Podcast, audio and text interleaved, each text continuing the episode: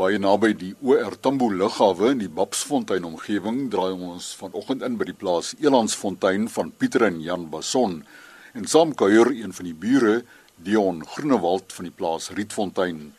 Julle pas beide geen bewerking of nou til toe. Waarom Dion? Ek was basies gedwing. Ek moes trekkers vervang en om om om die hektare wat ek bewerk sou ek ten minste 10 nuwe groter getrekkers moes koop?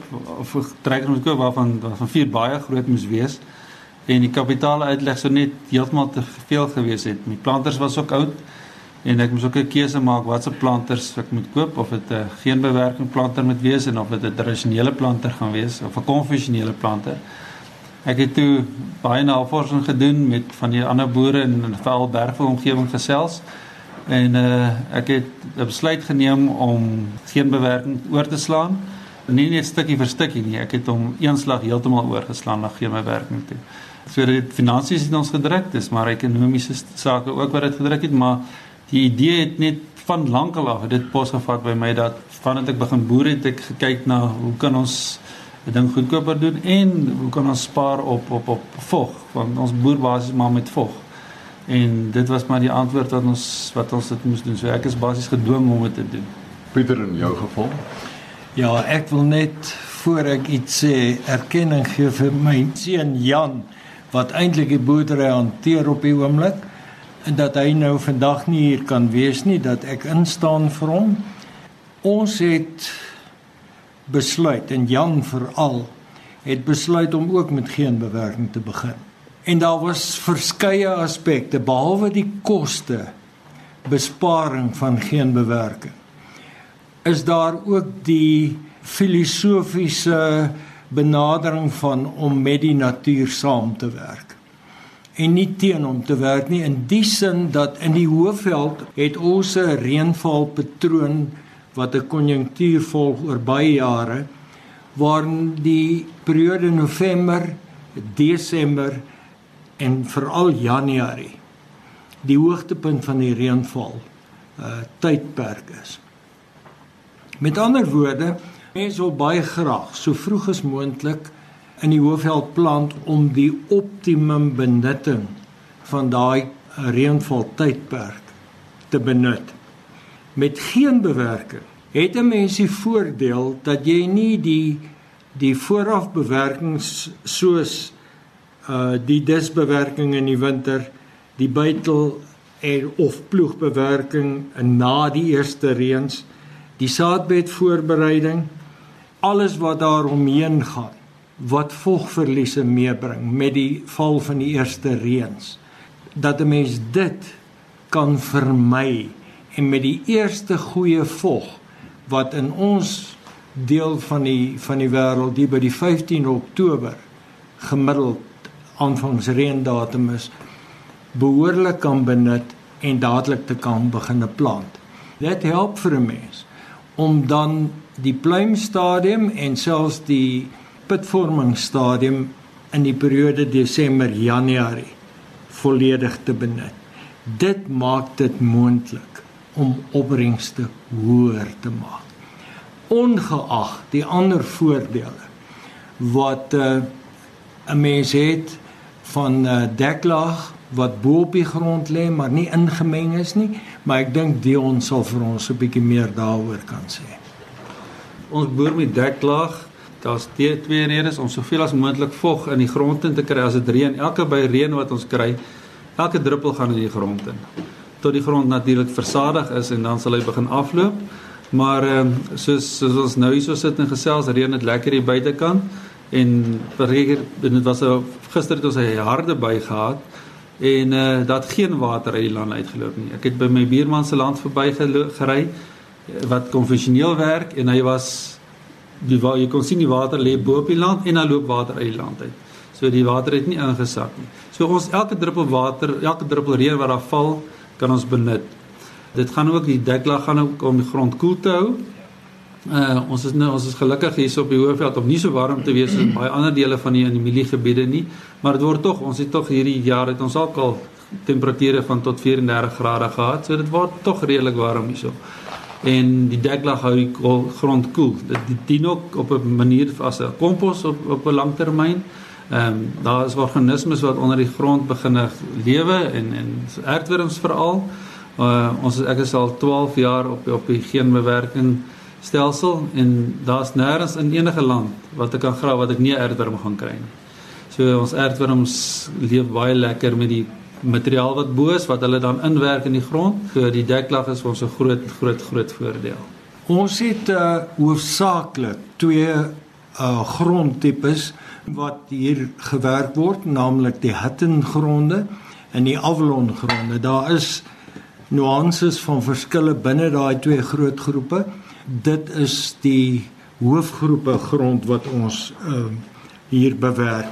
Chris, maar daar's 'n tweede saak wat ons miskien net ook sal na moet kyk en dit is die koste verskil tussen die konvensionele metodes en die uh, geen bewerking metode. Ons gaan nie genoeg tyd hê om volledig uh in te gaan op presies die kostes nie, maar ek wil vir boere vra om saam met ons te kyk na die mekanisasie gids van JP Leroux en ME Leroux en CF Leroux uh, wat beskikbaar is by alle koöperasies waarin volledige syfers van bewerking ingegee word.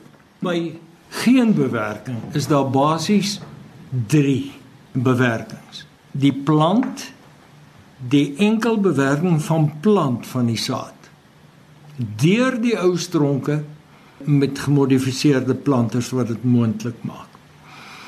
En dan bespuitings wat daarop volg. Want daar's geen meganiese grondversteuring na die plantproses nie. Dit is bloot chemiese regstelling wat gemaak word ten opsigte van onkruid. Dan het 'n mens die hoogs verminderde koste teenoor die ou bewerkingsstelsels. En dis 'n dramatiese verskil in koste. Ons het vooraf 'n bietjie gesels met mekaar oor opbrengs verskille.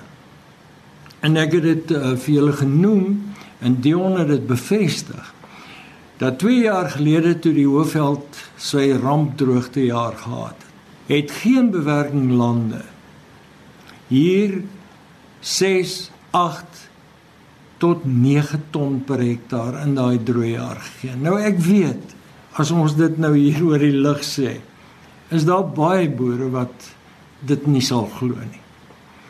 Waar van die konvensionele lande in ons omgewing hier by 2.5 3 en 3 en 'n kwart ton per hektaar gegee.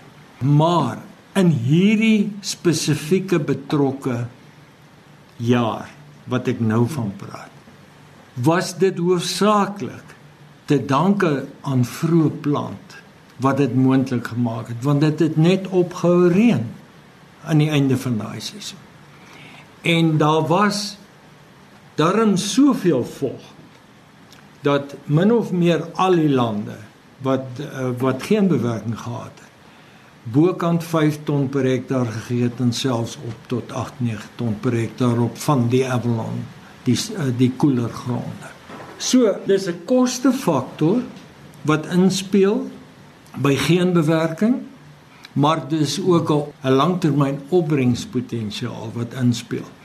En gewoonlik is die knyptang waarvan al ons boere praat, 'n koste-opbrengsknyptang.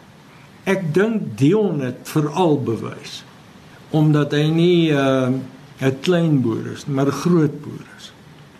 Ons wat op 'n manier hom volg en by hom leer, kan getuig daarvan dat die koste knyp dan ten opsigte van koste self en opbrengs langtermyn gesien definitief baie belovend lyk.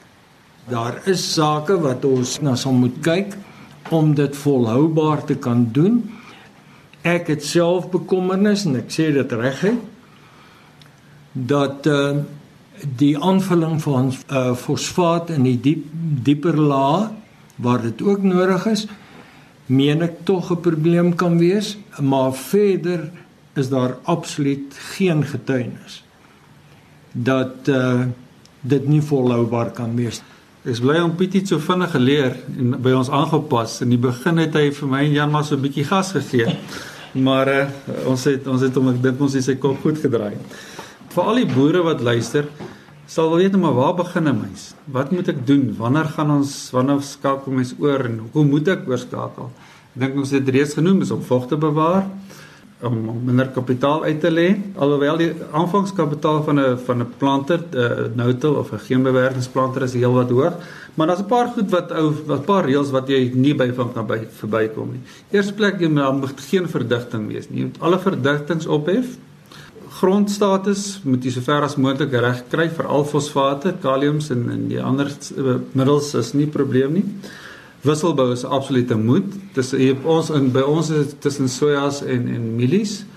Ja, daar's baie ouens wat 2/3 mielies en 'n derde sojas sojas het. Dan 50-50 baie van mense begin dit al doen. Dit daar's 'n goeie redes daarvoor. En dan moet jou land onkruidvry wees. Of as daar onkruid is, moet jy net nooit saad skiet nie.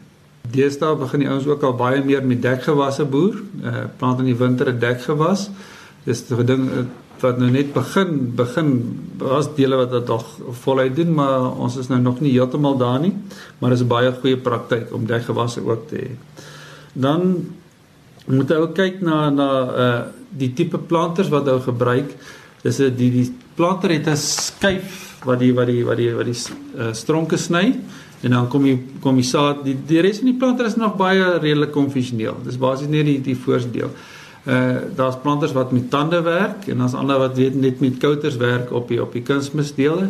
Uh dis nou maar persoonlike voorkeure en tipe gronde wat dit ook veroorsaak. Partykeer as die grond so bietjie harder is, sal ou maar 'n tand gebruik en waar hy nou lekker los is na 12 jaar is ons lande van so aard dat jy basies met 'n met 'n kouter basies kan plant sonder dat daar enige probleme sal wees. Dion Groenewald van die plaas Rietfontein en Pieter Bason van Elandsfontein in die Babsfontein omgewing en volgende Saterdag dieselfde tyd sit ons hierdie gesprek voort. Vanaf die Hoëveld terug na die ateljee